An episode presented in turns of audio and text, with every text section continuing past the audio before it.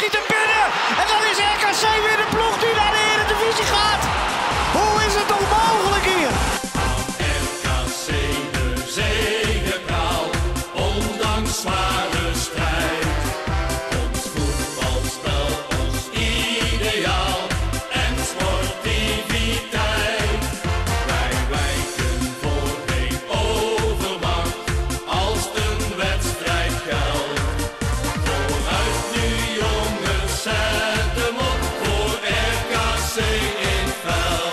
Vandaag deel 2 van het interview dat wij hielden met Frank van Mosselveld. Wij kijken terug in de tijd naar zijn, carrière als voetballer en hoe hij algemeen directeur geworden is. Verder gaan we het hebben over RKC in de toekomst en keren we nog één keer terug naar die 24 april. Welkom bij RKC Nu, de podcast.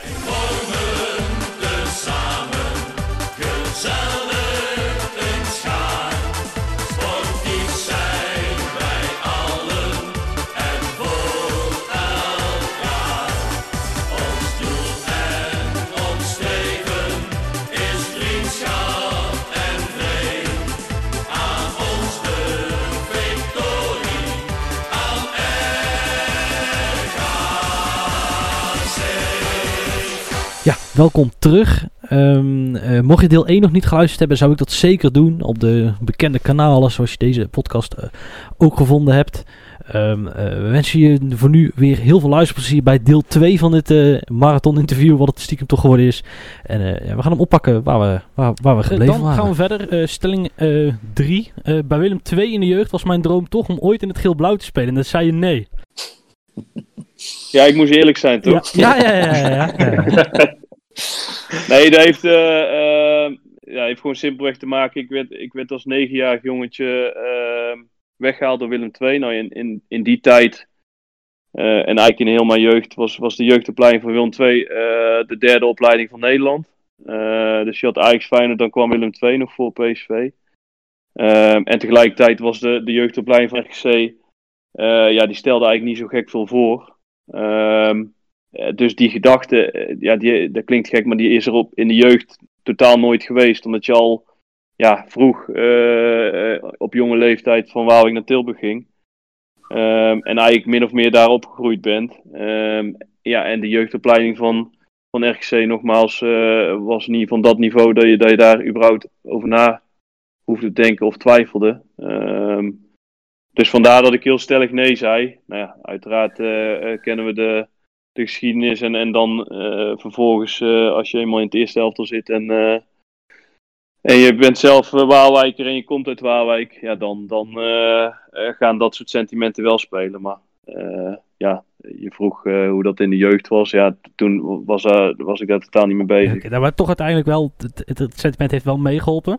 Want Ja. je bent in, uit mijn hoofd 2006 of 2005 eh, verkast van Waalwijk, 2006, ja. ja, van, Waalwijk, eh, of van eh, Tilburg naar Waalwijk. Ik kan me herinneren dat je op een gegeven moment, een x aantal jaren later, nog de enige speler was waar een transfersom voor betaald was. Ehm, Ja. En wel waar we zeker vier, vijf keer Richard van der Venne voor hadden kunnen aanschaffen. Volgens de geruchten dan. Ehm, ehm, eh, hoe, hoe is dat gegaan toen? Nou ja, ik, ik was als jonge speler eh, bij Willem II, eh, ja, debuteerde ik vrij jong. En ehm, eh, dan ben je ook in die zin ongeduldig. In mijn eerste jaar speelde ik alles. En vervolgens ja, speelde ik wel veel, maar was er iedere keer altijd die twijfel van ja, we moeten iemand anders halen op die positie. En dat werd ook in de media uitgesproken, terwijl ik zoiets had van ja, oké, maar je hebt jongens uit de eigen jeugd. Je had Frank van der Struik en ik eigenlijk in het centrum. Ja, je kunt ook vertrouwen daarin uitspreken. Ehm, nou vervolgens eh, eh, was mijn derde jaar eh, voorbij, waarin we er met Willem II na competitie speelden naar beneden. Nou ja, dat was om aan te geven wat voor niveauverschil destijds nog was. Hadden wij een trainer die zei van ja, ik kan eigenlijk niet kiezen tussen de uitwedstrijden speelt die ploeg en de thuiswedstrijden die. Nou, we wonnen alle vier de wedstrijden met, met minimaal drie, vier goals verschil. Ehm, maar ja, ik speelde Jong Oranje. eh, eh, ja, en, en ik voelde me, eigenlijk kwam het op neer dat ik me niet maximaal gewaardeerd voelde op dat moment. Eh, nou ja, dan ga je om je heen kijken. Nou ja, dan komen clubs als Sparta, als, als Den Haag voorbij. En, en uiteraard vervolgens ook RKC. Nou ja, daar was toen die keuze natuurlijk helemaal niet moeilijk. En zeker ook destijds met de gedachte. Nou ja, bij RKC maakte ook op dat moment bijvoorbeeld Maarten Martens net de stap naar AZ. Eh, en waar ik net al aan refereerde, RKC stond altijd bekend voor eh, jongens de kans te geven van daaruit weer een stap in hun carrière te zetten. Nou ja, met die gedachte ging naar en dan eh, was de keuze heel makkelijk. Als je zelf uit Waalwijk komt, dan is het natuurlijk prachtig om voor de club uit je eigen, eigen stad uit te komen. Nou ja, vervolgens liep het even anders, want na vijf wedstrijden raakte ik eh, eh, Groningen uit, zwaar geblesseerd, eh, heel het seizoen ge- gemist na een knieoperatie. En einde seizoen was ik fit en, en waren we gedegradeerd. Dus een jaar later stond ik ineens in de eerste divisie. Dus om, om maar aan te geven de carrièreplanning, dat er, er niet, meestal niet van komt. Had je wel een carrièreplanning, Frank? Had je voor jezelf een duidelijk doel van ik hoop ooit daar nog te belanden?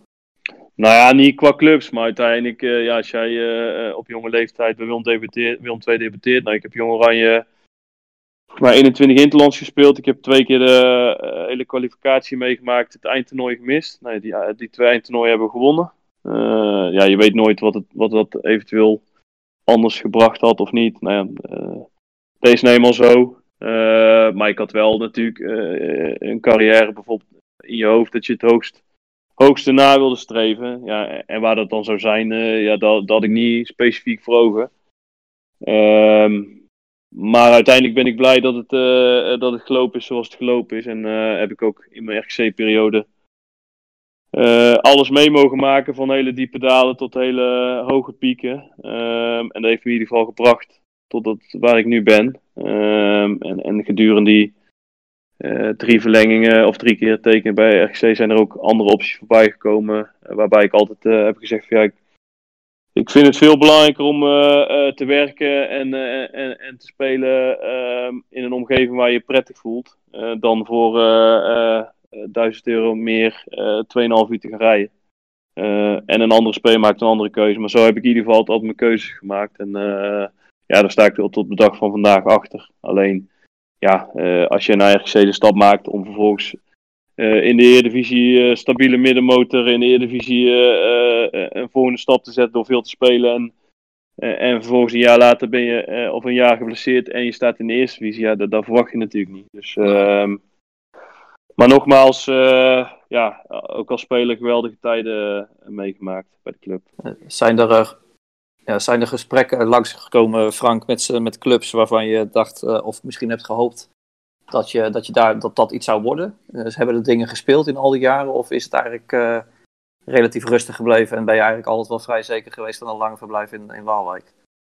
Ja, dat laatste sowieso. En dat heeft natuurlijk ook mee te maken welke optie, andere opties krijg je. Ehm, maar nogmaals, ik heb altijd die afweging gemaakt zoals ik net aangaf. Eh, en, en ook eh, verderop in mijn carrière. eh, ja, was dan de keuze, ga je voor eventueel een mooi buitenlands avontuur, wat ik altijd nog wel voor ogen had. En ook toen heb ik bewust de keuze gemaakt als in van ja, oké, eh, ehm, ik ben mijn studie aan het afronden en, en als ik nu bij de club vertrek, dan is in ieder geval dat, ja, dat pad in ieder geval weg. En, en je weet nooit als je dan één of twee jaar later terugkomt hoe het er dan voor staat. Eh, dus ik heb in mijn carrière, eh, of nou het begin of het eind, altijd wel bewuste keuzes gemaakt. En ja, noem het veilig of noem het eh, behouden. Maar ehm, ja, volgens mij heeft het in ieder geval mij gebracht waar ik nu ben. En eh, ja, dan ben ik tot de dag van vandaag, sta ik daarachter. En wat is dan, ehm, als je mag kiezen, het allermooiste moment als speler in het geel-blauw? Oeh, ja, goed dat je die toevoeging doet met, als speler. Want anders eh, was het denk ik niet zo moeilijk geweest. Ja, eh, daarom- daarom. ja precies. Ehm, nee, kijk, ik ben eh, kampioen geworden natuurlijk. Waarbij ik ja, in een ploeg speelde waarin ja, werkelijk alles klopte. Van de nummer 1 tot, tot de nummer 23. Eh, toevallig was Mo, Mo Allig van de week nog bij mij om te lunchen en een bakje te doen en even bij te praten. En ja, zelfs die zegt, weet je wel, die selectie die we toen, die zij toen samenstelden, hij zegt, "Me- dat is me daarna nooit meer gelukt, dat alles perfect paste, weet je wel. Dus de nummer 16 wisten dat hij nummer 16 was. De nummer 3 die stond er altijd. Nummer 25 eh, vond het prima. Ehm, ja, dus in dat jaar eh, ja, was ik geen absolute baasspeler. Maar wel, eh, wel aanvoerder onder, onder Ruud Brood. En ja, de ene keer speelde ik wel, de andere keer niet. Ik wist mijn rol, dus in die tijd werd ik ook veel gebruikt als eh, eh, eindfase dat we die eh, punten over de streep moesten, trekken. En ja, eigenlijk een, een week of drie voor de laatste wedstrijd eh, ja, raakte ik dusdanig geblesseerd dat ik geopereerd moest worden. Ja, toen heb ik echt alles op alles gezet. Eh was gelukkig een kleine ingreep, maar normaal staat er een week of vier tot zes voor. Nou ja, toen was ik 2,5 week later, letterlijk 2,5 week later, eh trainde ik de dag voor Fortuna mee en zat ik op de bank. En eh, ja, werd me door Ruud Brood gegund om nog eh, de laatste minuut in te vallen. Dat zal ik ook nooit vergeten. Dus ja, dat kampioenschap was echt, was echt geweldig. Ehm, maar dat was net zo mooi als, als de, de promotie tegen de graafschap met de Keula die, die 1-0 maakt. Dus Ja. Ja, het is moeilijk kiezen eh, wat dat betreft. eh, want want eh, eh, ja, Twente uit met de lakmak in de finale Ja. play-offs Ja. was natuurlijk ook geweldig. Ondanks de verzette vakantie. ja, ondanks inderdaad dat eh, de dag eh, later Curaçao geannuleerd moest worden.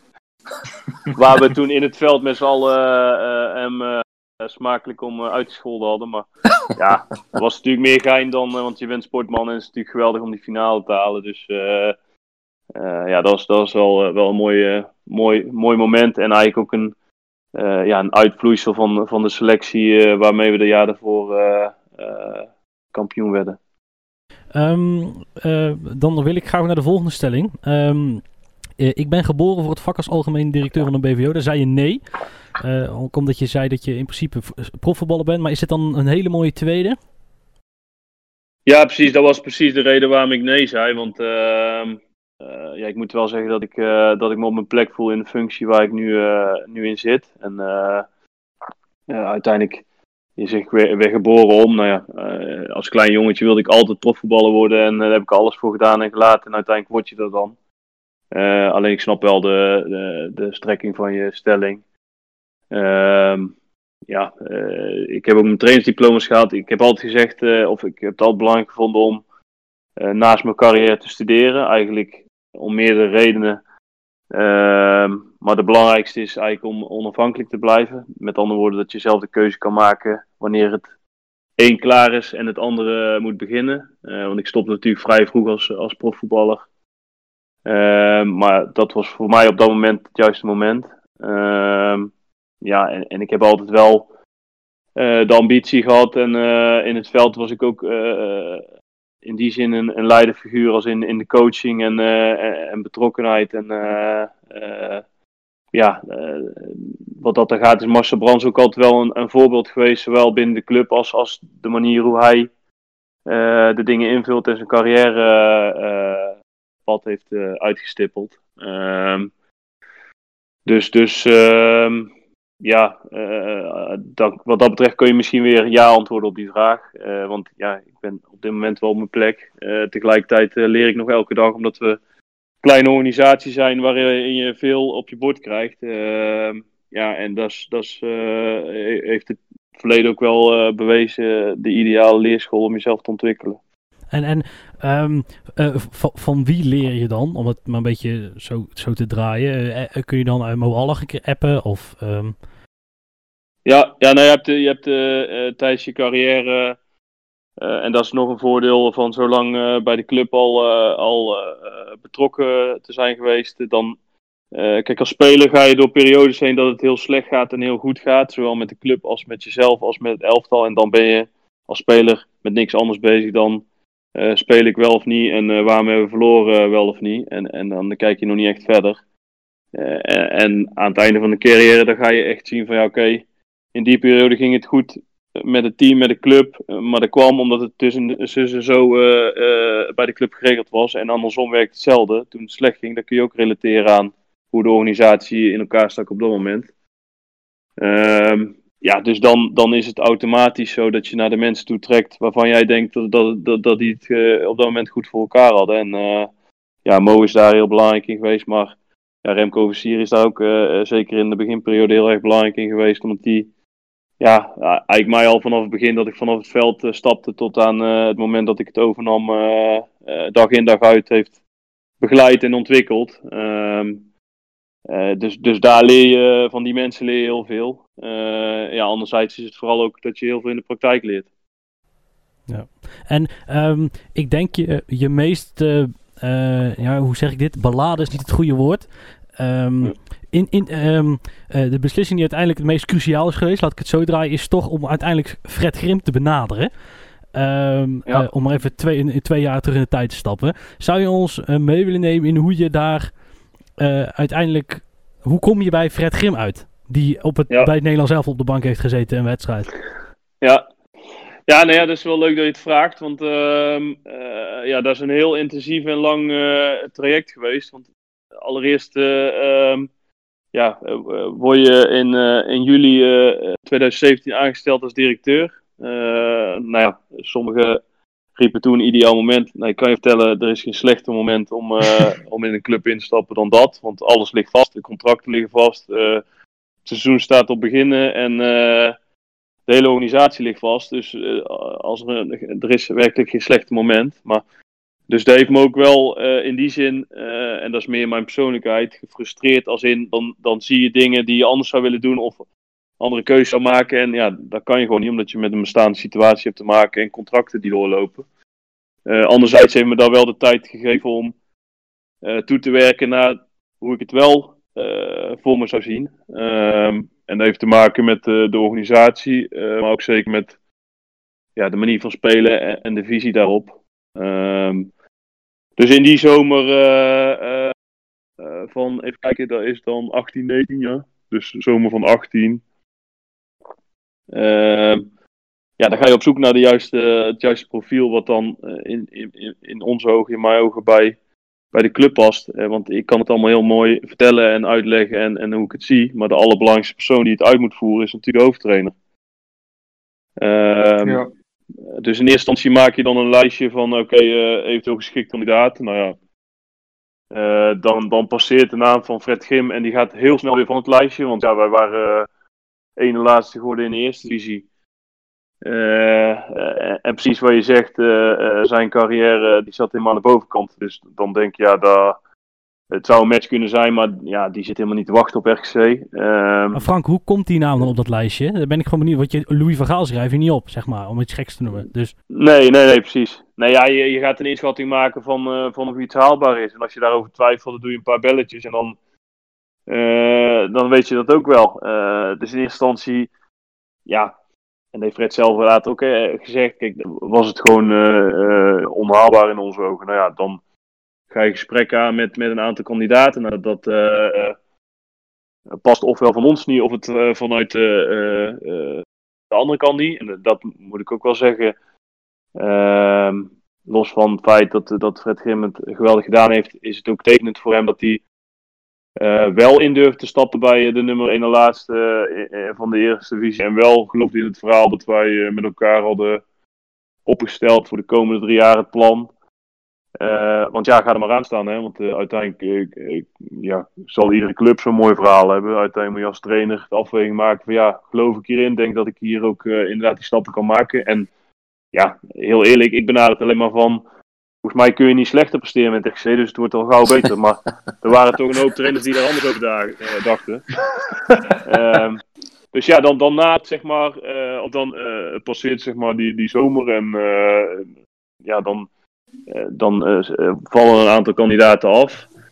Nou ja, dan nadat de start van de voorbereiding. Ehm, eh, en ik weet niet of je het nog weet, maar uiteindelijk heb ik ook gezegd van ja, heel eerlijk, eh, eh, ik maak liever de goede keuze dan, dan, eh, dan te vroeg een keuze. En dan maar de eerste twee weken dat de assistenten en de fysio's de trainingen doen. En dat was ook deels natuurlijk omdat je weet dat de mensen die je al in huis hebt, ja, die, die, die vertrouw je erop, die zijn capabel genoeg om dat in te vullen. Ja, anderzijds was het natuurlijk heel makkelijk om te roepen, ja, die jonge onervaren directeur, die heeft nog niet eens een trainer, wat is die allemaal aan het doen? Eh, en, heel eerlijk, ja, dat zeiden ook wel mensen tegen mij. Eh, maar ja, eh, nogmaals, uiteindelijk maak je bewust bepaalde keuzes. En ja, ik wist ook dat het een bepaald risico met zich meenam. Maar ja, je wilde erin de juiste maken. En, en ja, op een gegeven moment, volgens mij was het een week voor de, de week voor de voorbereiding. ja, werd getipt dat, dat ja, Fred zat ook eigenlijk te wachten op een Eredivisieclub. Uh, heeft hij ook later eerlijk verteld. Ja, die kwamen ook bij hem niet uit, uh, of, of, of gingen om bepaalde redenen ook niet door. Nou ja, toen werd, uh, werd ik getipt ja, misschien kun je hem toch eens bellen, wellicht dat hij open staat voor een gesprek. Nou ja, daar hoefde ik niet zo heel lang over na te denken natuurlijk. En volgens mij zaten we een dag later al. En ja, bleek dat we eigenlijk wel op dezelfde manier over voetbal dachten en best wel op één lijn zaten. Nee, en dan gaat dat proces beginnen als in. Ja, dan ga je natuurlijk draagvlak creëren binnen de organisatie voor, voor, voor, voor Fred in dit geval. Dus er worden nog meer gesprekken gevoerd. En ehm, ja, uiteindelijk is het dan volgens mij een open dag. Uit mijn hoofd 4 juli of zo. Ik ben me niet op vast, maar... Nou, ja, ehm, ja komt het rond en dan is daar wel ja, in die zin een opluchting dat, dat je de, de, de ideale kandidaat, eh, ondanks dat hij in het begin, om de reden die ik net aangaf, eh, nog niet in beeld was, eh, ja, ben je blij dat die anderen dan niet door zijn gegaan en je, en je uiteindelijk eh, bij elkaar uitkomt. Ehm, ja, en, en dat de match is gebleken, is volgens mij een understatement.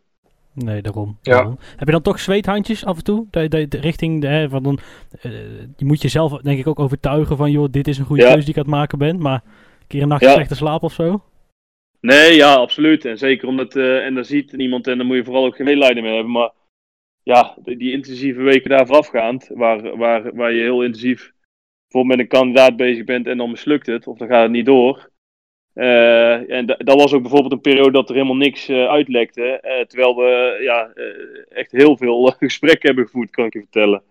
Dus dan is het ergens wel eens dat je denkt van ja, moet, moeten we misschien iets naar buiten brengen. Dat was ook zo'n moment. Misschien moeten we zelf iets lekken. Dat, dat in ieder geval jullie ook het idee hebben van ja, ze zijn daar wel serieus bezig met de club. Maar ja, dan heb je toch wel eh, de ervaring uit de voetballerij dat, dat je gewoon rustig moet blijven. En, eh, eh, ja, en wat dat het aan gaat af moet sluiten voor wat alles en iedereen roept. Ehm, en gewoon vast moet houden aan, aan, aan je plan.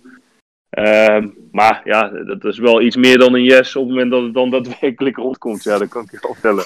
Is er een eh, soort van close finish geweest, Frank, in die periode met een andere trainer waarvan je op dat moment wellicht had verwacht dit gaat rondkomen? Of, of is het gewoon echt al die tijd bij eh, wat gesprekken gebleven zonder dat het echt heel erg concreet werd? Nee, dat is wel eh, tot zeer concreet gekomen, inderdaad. Dus dan is het nog intensiever en is het nog een grotere teleurstelling als het niet lukt. Ja, en anderzijds eh, ja, kun je achteraf nu zeggen, eh, eh, ja, ze maar goed weten. ook, want anders, ja, precies, had ze moeten wezen. ja. Eh, Patrick Wouters vraagt van wat zijn momenteel de twee, drie grootste uitdagingen en hoe pak je die aan? Ehm, nou ja, de, de allergrootste uitdaging op dit moment is eh, ehm, om, om ja, zo goed en zo kwaad als het kan toch eh, een begroting eh, op te stellen. Kijk, we hadden in, eigenlijk in februari al eh, alles eh, op orde, zowel eerste als eredivisie begroting rond. Ehm, ja, waarbij we met z'n allen heel eerlijk kunnen zijn dat die eerste divisie natuurlijk eh, eh, serieuzer was dan de eredivisie begroting. Ehm, maar vervolgens eh, ontstaat eh, eh, de hele coronasituatie en, en wordt de competitie stilgelegd. Eh, ja, en toen als RGC natuurlijk extreem in onzekerheid. Ondanks dat ik eh, eh, naar buiten toe altijd rustig eh proberen te blijven. Eh, en vooral niet willen mengen in allerlei eh grootspraak en roepen en doen, maar vooral nederig blijven en je positie kennen. Maar dat was natuurlijk wel in die zin nog extra ehm, eh, spannend voor ons. Want ja, heel eerlijk, onze kans op Eredivisie werd ineens weer heel, heel erg groot. Ja. Ehm, nou, vervolgens 24 april valt die beslissing. Nou ja, dan, is het, eh, dan is het zeker. Eh, maar die begroting, waar zeg maar, de componenten eh, waar je normaal je inkomsten uit haalt, die, ja, die, die kun je op, op 10% eh, afwijking redelijk zeker begroten. Ja, die zijn opeens heel onzeker. En dan bedoel ik sponsorinkomsten, horeca-inkomsten, ticketinginkomsten. Eh, en bij een, en, en een groot verschil wat iedereen vergeet. eh, kijk, bij ons in, Nederland, bij een BVO, is daar ongeveer. Ja, kun je er allemaal in vier kwart eh, even voor het gemak. Dus je hebt sponsoring, ticketing, horeca, mediagelden. Nou goed, bij ons zijn de mediagelden dan iets meer en de sponsoring veel meer ten opzichte van de andere twee. Maar drie van de vier zijn opeens heel onzeker. Waarbij in de toplanden is 80% mediagelden. Daarom zie je in, in Nou geen reclamebord hangen. Ja, eh, dat heeft, toch geen zin als 80% uit jou... Dat is ook een van de redenen dat ze 100% moeten doorspelen in Duitsland, in Engeland, in Spanje eigenlijk. Eh, dus die onzekerheid ehm, ja, maakt dat je nu... Ja, je moet een bepaalde eh, percentage rekening houden met wat als we een half jaar zonder publiek spelen. Ehm, ja, anderzijds, wie geeft mij de garantie dat daar een zekerheid is? Weet je wel? Dus je moet, waar, waar normaal zekerheden zijn, moet je opeens ehm, een bepaalde marge in gaan bouwen. Waarbij wij gewoon het, eh, natuurlijk het grote geluk hebben dat we eh, de Frenkie de Jong gelden eh, goed en, netjes achter de hand hebben gehouden. Ehm, niet gezegd dat je die nu dan ineens allemaal doorheen moet jagen, maar dat geeft ons ja, dat geeft ons ten opzichte van andere clubs ook inderdaad qua liquiditeit en qua positie richting volgend seizoen. Ja, dat we met iets meer zekerheid een begroting kunnen samenstellen. Ehm, alleen, ja, het zou lekker zijn eh, ehm, eh, als je die absolute zekere factoren eh jou ook mee kan nemen. En, dat kunnen we gewoon niet. Maar tegelijkertijd kan op dit moment geen enkele club in Nederland. Dus dat, dat, is, dat in die zin wel een uitdaging. En eh, ja, de tweede is eh, ja, ja, heel simpel op korte termijn. Ja, wanneer kunnen we weer daadwerkelijk echt eh, gaan trainen? Kijk, eh, ze trainen nu eh, op anderhalve meter en het is extreem intensief. Die gasten die zeggen we hebben nooit zo zwaar getraind. Want je kunt je voorstellen, zij zijn een uur één op één bezig. Terwijl ze normaal, ja, we hebben allemaal wel eens gevoetbald. En in een elftal kun je af en toe een keer verschuilen of een keer verstoppen of een training laten lopen. Dat gaat nou niet. Ja. Maar ja, anderzijds, ja, als jij weer echt richting die wedstrijden toe gaan, wil gaan werken, ja, dan zul je toch weer op een, op een zo normaal mogelijke manier eh, moeten kunnen gaan werken. Ehm, ja, dus dat, dat is zeker eh, wel een uitdaging nu op de korte termijn. En, ehm, maar verwacht je niet dat wij gewoon een beetje richting het Duits mo- model toe gaan? Dat spelers veel gecontroleerd gaan worden en dat dan, hè, net zoals in Duitsland, alles een beetje opgestart mag worden. Ook ondanks dat eh, het, het kabinet aangeeft dat we van 1 september waarschijnlijk wel weer zonder publiek mogen voetballen. Ja. Nou ja, er zijn er twee dingen natuurlijk. Enerzijds ehm, eh, ja, heb ik er een heel slecht gevoel bij als wij eh, onze beperkte testcapaciteit gaan inzetten om eh, elke dag een voetballer te gaan testen.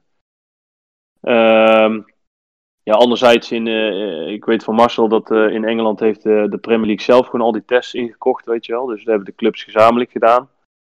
Maar ik heb net aangeprobeerd te duiden waarom die noodzaak daar zo hoog is. Ehm, ja, kijk, als het aan mij ligt, dan, dan beginnen we liever later met publiek eh, dan vroeger zonder publiek. Want ja, met alle respect, ik weet niet of je van het weekend hebt zitten kijken, maar ja, het lijkt werkelijk nergens op. Nou, ja, ik Nee. heb wel genoten Dus van Dortmund, maar goed.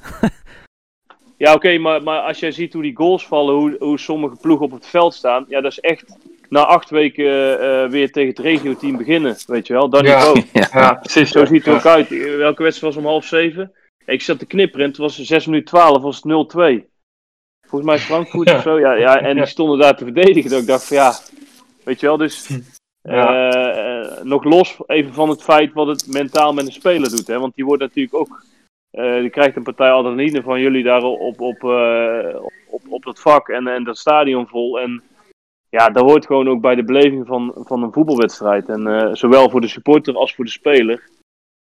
Ehm, ja, en heel eerlijk, ja, ik heb van het weekend gekeken omdat ik dacht van ja, is eindelijk weer voetbal op tv. Maar ja, ik denk niet dat ik eh, twee of drie weken achter elkaar naar, Nee. naar dat soort potjes ga zitten kijken. Nee. Ehm, Hey, en Frank, st- stel nou ehm, eh, dat, er, dat de regering zegt, ja, weet je, eh, leuke nadenk, vanaf oktober, ik noem maar even een datum, mag er publiek bij, maar wel op anderhalve meter. Wordt er dan bij jullie achter de schermen aan zo'n plan gewerkt of al rekening mee gehouden? Nou ja, kijk, natuurlijk hebben we daar met elkaar al eh, over gebrainstormd en hoe moet het dan uitzien. Eh, ik denk dat er eh, geen mogelijkheid is voor een, een stadion anderhalve meter. Want ja, Ja, nee, ik ook je, niet, hebt, je, je hebt emoties, dat is één. Maar twee, praktische zaken als iemand moet naar het toilet, iemand wil een biertje halen.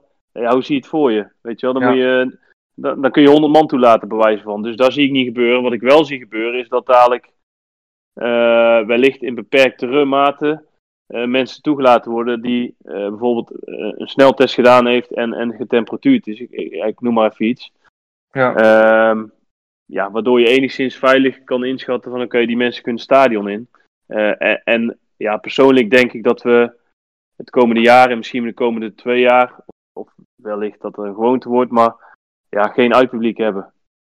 Want, want je Ja. moet natuurlijk zo min mogelijk reizende mensen hebben van en naar steden om, om het besmettingsgevaar eh, verder uit te sluiten. Ja, anderzijds, volgens mij reizen Ajax-supporters uit heel Nederland naar de arena. Dus ja, eh, er zijn best wel wat, eh, wat vraagtekens.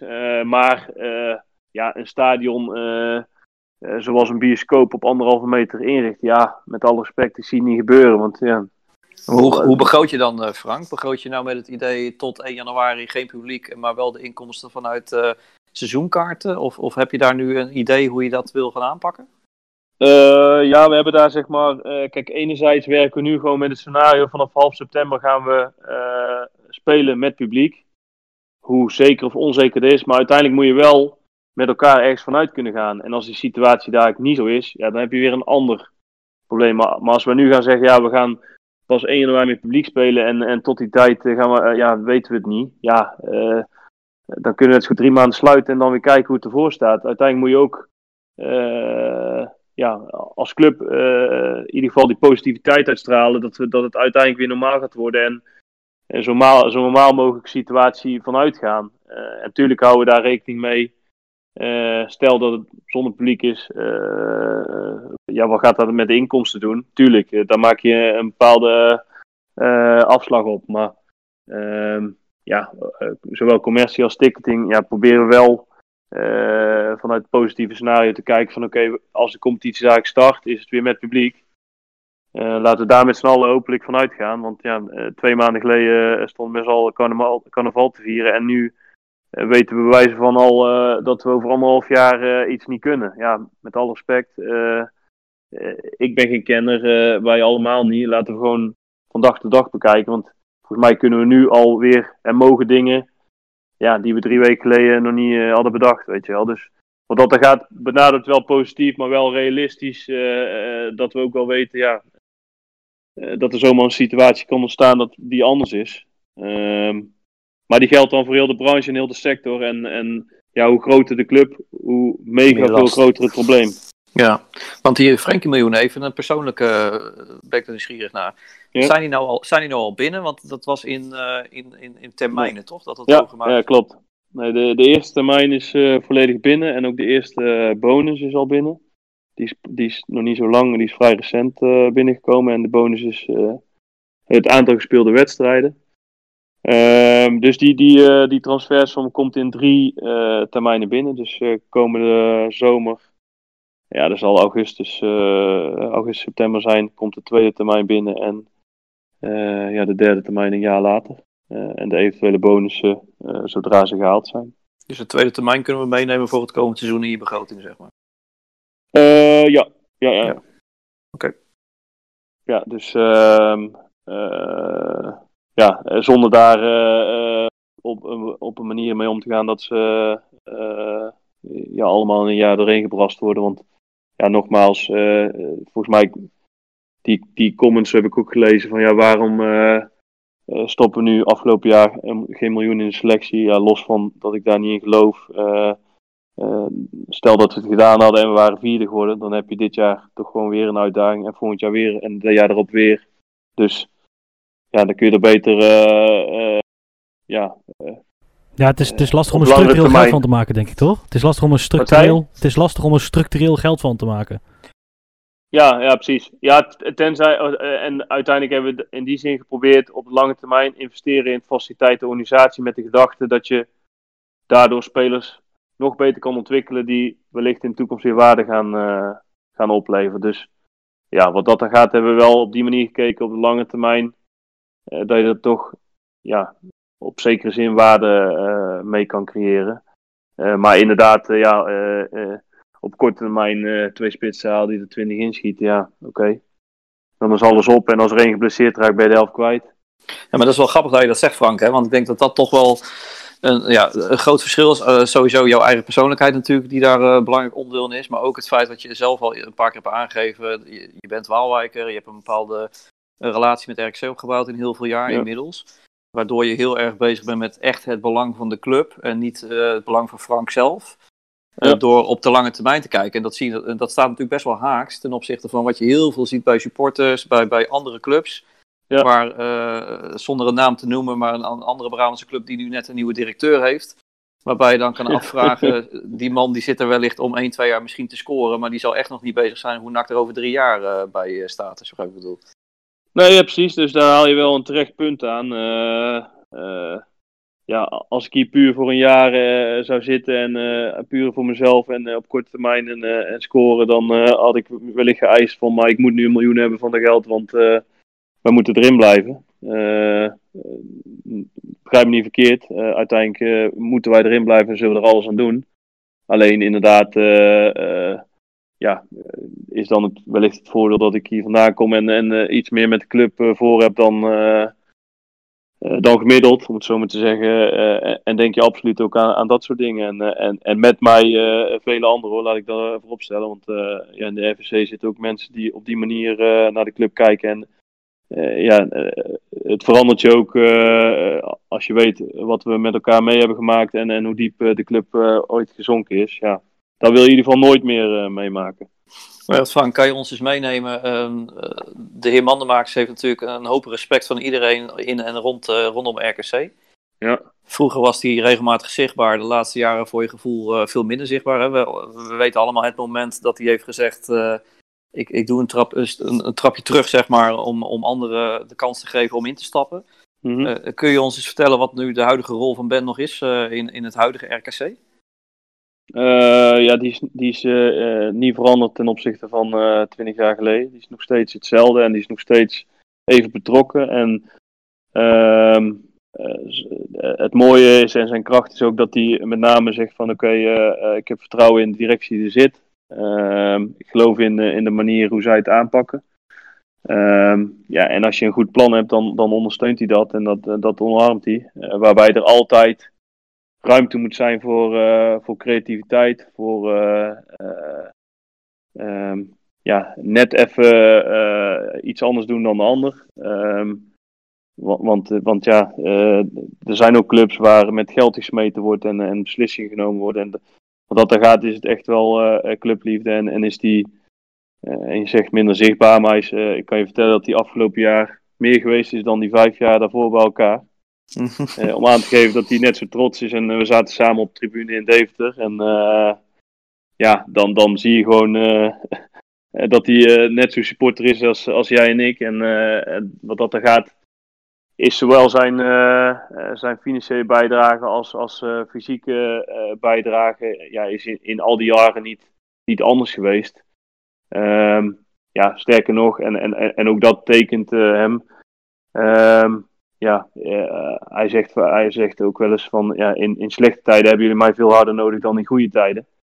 Eh, zonder daar aan, aan bedragen of, of iets dergelijks te koppelen. Ehm, maar ja, hij is altijd wel heel eh, gestructureerd en, en ja, planmatig bezig. En, en ja, wat dat er gaat, ehm, ja, is dat denk ik ook het grote verschil met, met andere clubs waar eh, mensen die eh, wellicht eh, iets meer doen dan anderen ook de behoefte hebben om te gaan schreeuwen en, en voor de camera te verschijnen. Nou, als die iets, als die ergens een hekel aan heeft, is het dat. Ehm, en, en dat is ook een van de redenen waarom het bij onze club altijd, altijd Rustig is. En, en, en waardoor je op goede basis kan werken en aan dingen kan bouwen. Maar hij heeft Ehm, vroeger, vroeger eh, Frank, nog wel eens volgens mij ehm, een businessmodel gehad. Hè? Dan gaan we weer even terug naar die goede tijd aanstekens. De Rick Hogener op tijd noem ik het maar even. Ja. Dat hij volgens mij ook zelf eh, wel regelmatig direct betrokken was bij een kleine investering voor een talentvolle voetballer. hm. Eh, vanuit, vanuit een businessmodel eigenlijk met het idee om hem door te ontwikkelen en een stukje opbrengst voor, eh, voor RKC aan te genereren. Hm. Eh, dat businessmodel, bestaat dat nog? Is daar nog geloof in? Of, of, of is dat helemaal niet realistisch in deze tijden? Eh, nou ja, dat laatste eh, sowieso, want het is, altijd een beetje eh kip en het ei verhaal. Allereerst ehm, ben ik natuurlijk zelf in de RVC gezeten, dus dat, van, van- vanuit die hoedanigheid en rol zat hij dichter op het vuur. En anderzijds hebben we inderdaad in het verleden een spelersfonds gehad. Ehm, ja, dat, dat heeft altijd. kijk, Volendam heeft, heeft er nu weer eentje opgezet. Ik, ik ben van mening dat je als, je als je eh, kapitaal wil maken, dan zul je altijd eerst moeten investeren. Alleen dat kan op verschillende manieren. Eh, en, en aan een investering of aan een spelersfonds, ja, dat kleeft ook altijd in die zin een nadeel. Want je geeft bijvoorbeeld een, eh, een aandeel in, in de verkoop van spelers weg, of een, eh, of, of, of, een achterstelde lening of iets dergelijks. Dus, en in goede tijden gaat het goed, en in, in mindere tijden dan moet je altijd bij dat soort mensen komen van, oké, eh, ja, kun je ons toch niet helpen of, of kunnen we eh, iets... En, en we hebben als RKC geze- eh, zijn gezegd, zeker vorig jaar, laten we nou eh, even los van die spelersfondsen, maar zorgen dat we op eigen benen kunnen staan, dat we die, alle schulden die we uit het verleden hebben in één klap van verlost zijn, waardoor we onze eigen keuzes kunnen maken. Ehm, ja, dat wil niet zeggen dat ik, dat ik puur tegen een spelersfonds ben of, of absoluut voor. Ehm, maar het heeft altijd eh, zijn voor- en zijn nadelen. En, en ja, het heeft eh, in het verleden RKC eh, best wel wat gebracht.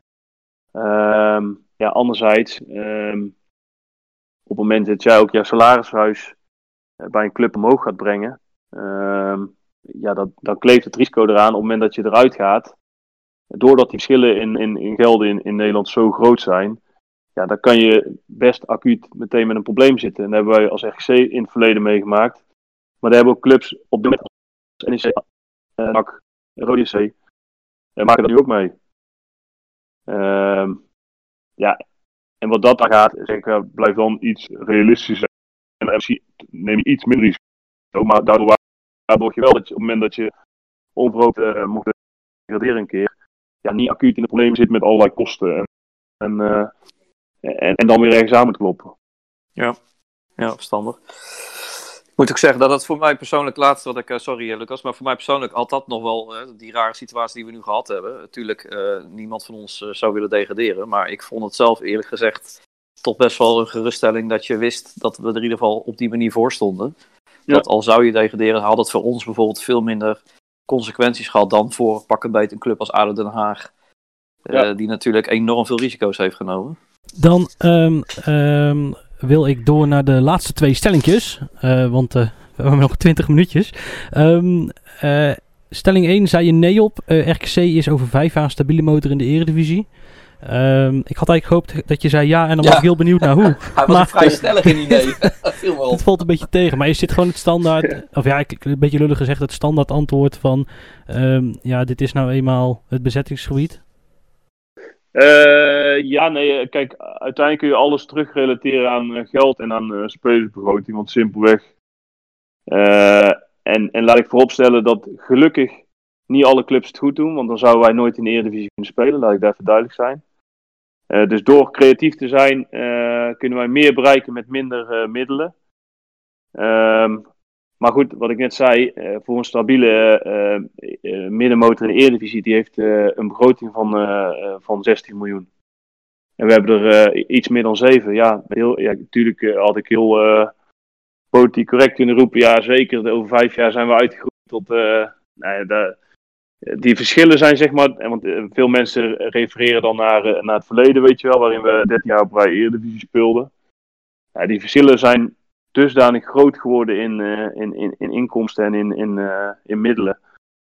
Ehm, ja, waarbij er clubs eh, echt sterk omhoog zijn gegroeid en, en ook clubs serieus klap hebben gehad, waar wij er een van zijn. Ehm, ja, waardoor die verschillen op dit moment zo groot zijn. ja, dat het totaal niet realistisch is om te roepen dat we over vijf jaar een stabiele middenmotor in de Eredivisie zijn. Neem niet weg dat er een verschil is eh, eh, tussen realiteit en, en ambitie. Want eh, uiteindelijk, zei ik, uiteindelijk willen we zo lang mogelijk eh, in de Eredivisie blijven en zien we dit eh, echt als een, eh, als een herkansing. Maar daarin moeten we de realiteit niet uit de ogen eh, verliezen. Voel je extra druk, eh, Frank, voor komend jaar? Met de hele publieke opinie van de afgelopen eh, maand? Nee, daar, wat dat betreft totaal niet. Alleen ehm, eh, intern leggen we onszelf die druk wel op dat we, dat we gewoon echt een herkansing krijgen. En, en daar eh, ja, eh, in ieder geval nu ook langer de tijd voor krijgen om het, om het beter op orde te hebben. Dat wil niet zeggen dat we daarin gaan slagen, maar die druk leggen we onszelf wel op. Dat we, dat we daar nu in ieder geval moeten zorgen dat die selectie dus daarin kwalitatief versterkt wordt. Dat je eh, die overwinning net wel over trekt. En die 1-0 tegen PSV thuis voor wel vasthoudt. En in de Kuip wel drie punten meeneemt. Snap ik bedoel. Dus, maar, maar de druk van, er zal me echt werken een worst wezen. Eh, stel dat we nu laatste worden met drie punten. En dan roept iedereen, zie je wel, die hadden voor. Hey, werk qua, ik zal er geen, geen, geen, geen minuut minder om slapen. Dus daar, daar, daar, me- daar maakt me echt niks uit. Ehm, maar intern eh, leggen we onszelf wel die druk op dat we, dat we nu eh, ons voordeel moeten doen met eh, de gezonde positie die we hebben. Ehm, ja, en, en ook de tijd die we hebben om ons beter te wapenen voor de Eredivisie. En daarmee ja, hebben we natuurlijk ook gewoon degene die blijven. eh daar kan iedereen iets van vinden of ze goed of niet goed genoeg zijn. Maar één ding is zeker, ze hebben in ieder geval wel de ervaring van één jaar Eredivisie. Ehm, de tweede stelling was: de Eredivisie bestaat over vijf jaar nog uit 18 clubs. En daarop antwoordde jij ook nee.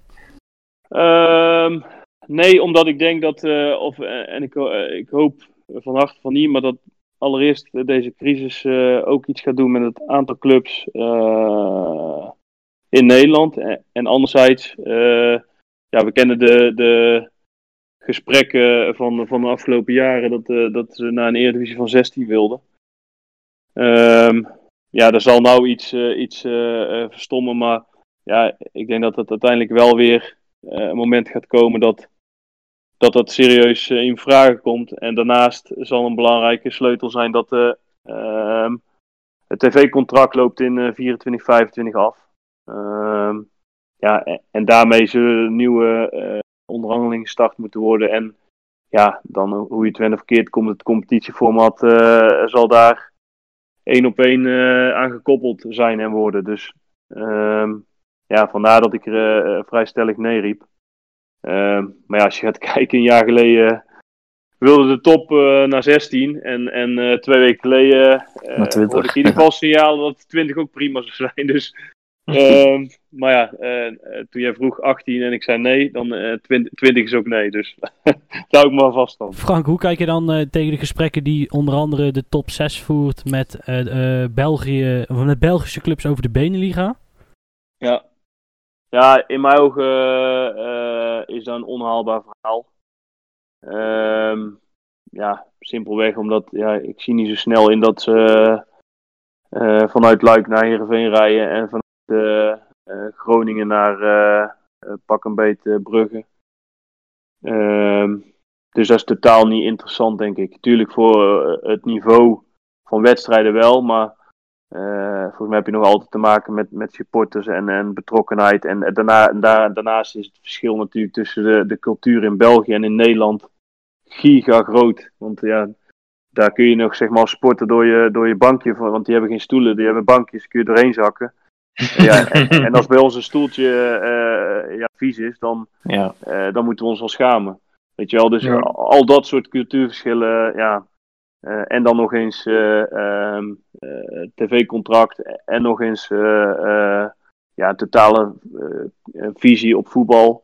Ja, zie ik dat niet zo snel gebeuren. En anderzijds, vanuit weerstand en niveau, snap ik dat het onderzocht wordt. Maar ik denk dat er dusdanig veel haken en ogen aan zitten dat het ja, voor nu weinig kans op slagen heeft. Nou, op zich, de, weet je, de, de Eredivisie wordt wel ineens een stuk mooier. Ja, ik wil niet zeggen een stuk mooier, maar kijk, eh, je bent van de grote clubs die een beetje, eh, die graag de dienst uit willen maken als het goed gaat. Ja. Dan, daar ben je vanaf. En je krijgt wedstrijden gegarandeerd tegen NAC, NEC, Twente. die krijg je er wel voor terug. Nee, nee, absoluut. En eh, ehm, eh, alleen wat, wat hou je daaronder over, hè? Nou ja, kijk, je, je moet, je, we we hebben deze crisis nu. Ik, er gaan gegarandeerd clubs omvallen. Dan, Ja. eh, als, ik, als, als, je, als je zeg maar puur technocratisch bekijkt, zou je zeggen, joh, geef die top 6 hun Beneliga plus 7 en creëer daaronder een hele, ster- daaronder een hele sterke eredivisie. En eh, Ja. maak van de eerste divisie eh, de nieuwe topklasse en vorm een Helmond Sport, een Toppos, een eh, Dordrecht, die eigenlijk zelf ook, nou, Toppos is misschien niet helemaal het juiste voorbeeld, maar zelf eigenlijk ook een beetje zoiets hebben van, joh, echt na de Eredivisie zit het toch voor ons toch nog niet in mijn voetballen nergens voor. Geef die een mooie amateurcompetitie. En eh, Ja. probeer daarin een, een, een- iets meer gelijk te trekken.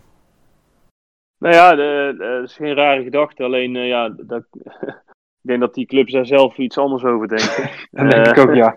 Dus dat is zeg maar ook wel het probleem in, in Nederland natuurlijk. Dat we, ja, er zit zo'n groot verschil tussen de nummer 34 in Nederland en de nummer 1. en zelfs tussen de nummer 8 en de nummer 16. Ehm, en daarmee de, de belangen en ja, dat, dat, dat het ergens heel logisch is wat je stelt. En anderzijds ja, hebben die clubs dusdanig veel bestaansrecht ook uit, uit de mediagelden en dergelijke. Dat, ja, in hoeverre is dan die, die Eredivisie die jij noemt nog interessant om te kijken? Nou, ik denk dat ook wel. maar die, de, die competitie eronder, ja, waar gaan die clubs hun inkomsten uithalen? En hoe groot worden die verschillen dan wel niet tussen die eerste en Eredivisie? Maar het is geen gek gedacht hoor. Want uh, dan blijven de sterkste over. Nou, nee, ja, uh, laten we de competitieplanners in Zeissi maar, nou, of weet het maar, in charge om, om hierover te beslissen. Want beslissen, daar zijn ze de laatste weken stellig in, hè? eindelijk. um, ja. um, ik wil je eigenlijk nog één vraag stellen, omdat die er eigenlijk een beetje tussenuit gevallen is. Um, uh, jammer genoeg. Zou je ons een heel klein beetje mee kunnen nemen naar hoe voor jullie, want ik weet niet of je dat alleen de, de conference call gekeken hebt, uh, naar die 24 april. Want wij kregen links en rechts zo de signalen dat er toch wel wat uh, zweet in wat bilnaadjes had. Je bedoelt het hele proces er naartoe? Of, uh, ja, eigenlijk, ja, eigenlijk vanaf het moment dat de brief binnenkwam, dus de, de, de, de, de ja. zo beruchte brief. Die uitgelekt is. Tot, ja. tot, en met, tot en met dat Mike Snoei, Snoei jou snoeide. uh, nou ja, dat was dus uh, donderdag uh, middag. In die tijd hadden we nog met de Eredivisieclubs elke dag een call. Tegenwoordig is het drie keer in de week. Ehm en toen werd er eigenlijk, uh, en die call van die dag werd uh, gecanceld. Nou, vrij tactisch denk ik. Maar ik, ik ja, uh, je hebt dan best goed contact met, met een aantal onderlinge clubs. Dus ik kreeg um, van Wouter van Zetten van AZ, die had met de juristen dan weer een call gehad die middag. En daarin werd gezegd door Mark Boetekees dat einde middag zou er een brief naar de clubs gaan met ehm, een stelling voor, voor de vergadering de dag erop, meer niet. Nou goed, dus het was inmiddels uh, ja, einde middag. Dan verwacht je dat hij rond tussen 4 en 5 komt. Tenminste, dat is voor mij einde middag. Ja, uh, ja vervolgens uh, appte ik naar Wouter om, om kwart voor negen of zo, negen uur. Ik zeg, ik zeg, ik denk dat ze of mij vergeten zijn of die brief komt niet meer. Waarop hij lag het antwoorden. Hij zei, nou ik heb hem ook niet, dus ik denk dat het niet meer komt. En toen kwam hij dus ja, een kwartier later of half tien of zo. Ja, en toen... Toen? Nou ja, uh, uiteindelijk was het wel duidelijk dat er een raadpleging was. Uh, en en ja, ik denk dat jullie hem bestudeerd hebben, maar de manier waarop ze het, de, de, de opties, zeg maar, verwoord hadden... ehm, ja, dan zoek je natuurlijk gewoon een houvast voor jezelf. Maar ja, ik vond de optie van geen promotie, geen degradatie, dat ze die wel redelijk goed toegelicht hadden ten opzichte van die anderen. Ja. Um, en uiteraard hadden wij ons uh, uh, in die zin juridisch uh, voorbereid en, en informatie opgehaald bij Danny Snijders van Snijders Advocaat, die ook sponsor is bij ons. Um, ja, we hadden eigenlijk al wel met elkaar de conclusie getrokken van welke beslissing ook genomen wordt. Ja, die, daar, kun je, daar kun je gaan aanvechten, daar, daar heeft totaal geen zin. Want simpelweg, en dat is ook wat vrijdags uitgesproken in het reglement staat gewoon op het moment dat er geen uh, regels zijn die uh, iets voorschrijven in deze situatie, bepaald bestuur betaalt voetbal. Dus ja, uh, plat gezegd, ja, konden ze dus alles beslissen en dat was het dan. Dus um, ja, en, met die brief, ja, ik had zoiets van, ja, wat willen ze hier nou mee gaan bereiken? Dus ik heb ook vervolgens, ja, niet geslapen die nacht, echt niet geslapen, alleen maar gestrest natuurlijk. En ehm, ja, toen heb ik nog de afweging gemaakt voor mezelf om, uh, ja, moet ik dan andere clubs gaan bellen om... Ja, precies, dat was mijn volgende of, vraag. Ja, ja want, want je, je kunt ook voorstellen van ja, in principe stond erin, ze hoefden geen argument te geven, het is gewoon ja of nee. Dus ja, als ik ergens ja. geld vandaan zou halen, zou ik er zo tien om kunnen kopen. Voor wijze dat is eigenlijk, eigenlijk wat, wat, waar ADO nu een beetje van beticht wordt, hè? Zo van, die hebben gelobbyd. Ja, daar heb, ik, daar heb ik niet eens meegekregen, maar... Um, uh, ja, ik had voor mezelf zoiets, ja, als er iets echt heel zwak overkomt, is als jij uh, uh, laatste staat en vervolgens andere clubs moet gaan smeken om, om iets te gaan, gaan, gaan stemmen of, of raadplegen of, of beslissen. in jouw voordeel. Ja, volgens mij, als ma- iemand mij zou bellen, zou ik dan juist het tegenovergestelde doen. ja. Toen heb ik voor mezelf gezegd van, nou ja, oké, eh, even terug. Het bestuur neemt een beslissing. Eh, ik kan toch geen invloed uitoefenen op wat een club beslist. Sterker nog, dat wil ik niet eens. Ehm, eh, dus ik heb besloten om niks te doen. Maar vervolgens in die call, ehm, nou ja, dan gaan we dus richting de middag. En nou ja, we hadden uiteindelijk besloten om met onze commissarissen bij Sander van Delft thuis ja, in ieder geval bij elkaar te zitten. Dan konden we in ieder geval, mocht er iets besloten moeten worden, direct beslissen. En mocht er voordelig of nadelig besloten worden, zijn we in ieder geval bij elkaar om het eh, eh, te verwerken of in ieder geval te vieren. Ehm, eh, dus ze hadden die call eigenlijk best wel goed voorbereid, want ze gingen volgens de brief die punten af. Die vier, ja, drie of vier hoofdpunten. Eerst eerst doorkijken naar volgend seizoen. Hoe ziet dat er dan uit? Ehm, ja, vervolgens eh, i- een financieel stukje. eh, en toen begon het natuurlijk over eh, eerst promotie-degradatie en vervolgens Europees voetbal. Verdeling daarvan. Eh, nou ja, eh, wie wil er iets zeggen? Dus ze, ze lazen eigenlijk gewoon die brief voor. Promotie-degradatie, de twee dingetjes. Ehm, nou ja, vervolgens kwam Volendam, die pakte gelijk het woord. Ja, die kwam met, met die eh, Met die loting. geweldig, eh, ja, geweldig bedachte. En hij had, hij had er nog een verzonnen, een, een toernooitje in Zeist. Met dan RKC, eh Volendam en NAC. Dus eh, dat, ja, nee, dat doen we niet. Oké. Toen eh, vroeg NAC van ja, oké, mogen we dan volgend jaar deelnemen aan de play-offs? Want we hebben al een periode. Nee, dat kan niet. Oh, oké, bedankt. Ehm, eh, vervolgens nam ik het woord en eh, ehm, ja, ik heb eigenlijk, eigenlijk eh, ik weet ook wel, ik ga daar niks beslissen, maar ik heb wel gevraagd van ja, oké, in hoeverre ehm, ja, telt die eh, raadpleging, nemen jullie die mee in beslissing? Nou, waarop ze Ja. zeiden, nee, wij, daar kijken we naar, maar uiteindelijk beslist het bestuur het betaald voetbal. Nou, dat wilde ik natuurlijk horen. En daarnaast heb ik oprecht de vraag gesteld, zeg, in hoeverre eh, verwacht je of kun je van clubs verwachten dat die een objectief ehm, beeld gaan geven? Want ja, heel simpel, ehm, clubs als VV en Sparta, die, die werden er oprecht beter van op het moment dat ADO en RKC eruit gingen. Ja, want die door stegen dan de mediarangen. Dus Ja. voor, voor mij persoonlijk, daar zou ik ook helemaal geen kwaad woord over zeggen. Want dat kan best een overweging zijn voor de club. Ja. Want voor de rest hebben ze totaal helemaal niks met ons of met Cambuur de Graafschap. Kijken ze naar hun eigen situatie, twee ton meer. Nou, Zeker in deze tijd. ja, maar dat is toch totaal niet objectief als je vraagt Nee. wat vind je? Nee, dan ga je gewoon kijken wat voor jouw club betekent. Ehm, dus, dus daar kwam eigenlijk wel uit van dat het, ja, dat het een bepaalde subjectieve eh, mening zou zijn. Nou ja, dat wilde ik natuurlijk ook horen. Want ja, in hoeverre is dan die raadpleging eh, echte raadpleging? Weet je wel? In hoeverre vindt de club dan inderdaad dat er echt op, in deze situatie moet gedegradeerd en gepromoveerd worden of niet? Ehm, ja, en, en vervolgens zei ADO nog iets en kwam Cambuur en de Graafschap natuurlijk, die hadden zoiets, ja, dan moeten we ook iets roepen. Ehm nou, en en eh, vervolgens ging het over het Europees voetbal, waarin Utrecht een heel goed eh, eh, betoog hield. Ehm, eh, en uiteindelijk kwam het dus van, oké, nu gaan we even schorsen. Heb je de tijd om je raadpleging in te sturen? Voor zover dat nog niet gedaan was. Ja, inmiddels ging natuurlijk de mail de rest van die beste juristen over internet heen. En ik weet niet of jullie ook gemaild hebben, maar Ja, nee, nee, nee. toen kwamen ze om kwart over vier volgens mij uit mijn hoofd terug. Eh, ja, sorry, we kunnen nog niet, want eh, we moeten een aantal mails verifiëren. Want in plaats van 34 hebben we er nu 1000 binnen. Ja, Laten we afspreken om half vijf terug te komen. Ja, vervolgens kwam er dus niemand om half vijf. En werd het inmiddels tien voor vijf dat ze terugkwamen. Ja, en toen ging het dusdanig snel dat ik niet eens door had. eh, ja, ik- ze waren me aan het inleiden. En hij begon natuurlijk met die, met die verhoudingen, die noemde hij als stemmen. Eh, ja, toen hij daarmee begon, dat ik dacht, ja, nou eh, zijn we eraan.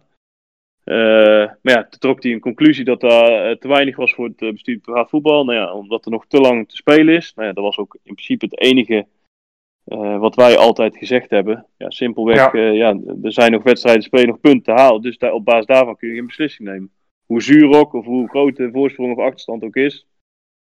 Ehm, dus we besluiten om niet te promoveren, niet te degraderen. Nou ja, klein eh, eh, vreugdedansje ontsprong toen natuurlijk. eh, ja, waarop ja, vrij snel die call afgekapt werd dat de graafschap en de Cambuur nog wel heel boos nog een vraag stelde. En ja, vervolgens ging de telefoon bij mij weer tot diep in de nacht met alle journalisten en dergelijke. Maar ja, dat was inderdaad wel, wel een bijzonder, Ja, bijzonder, bijzonder. moment. En ik zal het niet vergelijken met hoe ik in Deventer op de tribune zat. Maar op de een of andere manier was het toch wel een, eh ja, een promotie-degradatiewedstrijd. Eh, en zo hebben we hem ook wel echt beleefd, ja. ja, zo voelde het inderdaad voor mezelf ook inderdaad. Ja, Ja. alleen het is Ja. wel lastig dat RKC een wedstrijd voetbalt die je niet kan zien. Dat was een Ja. hele rare gewaarwording.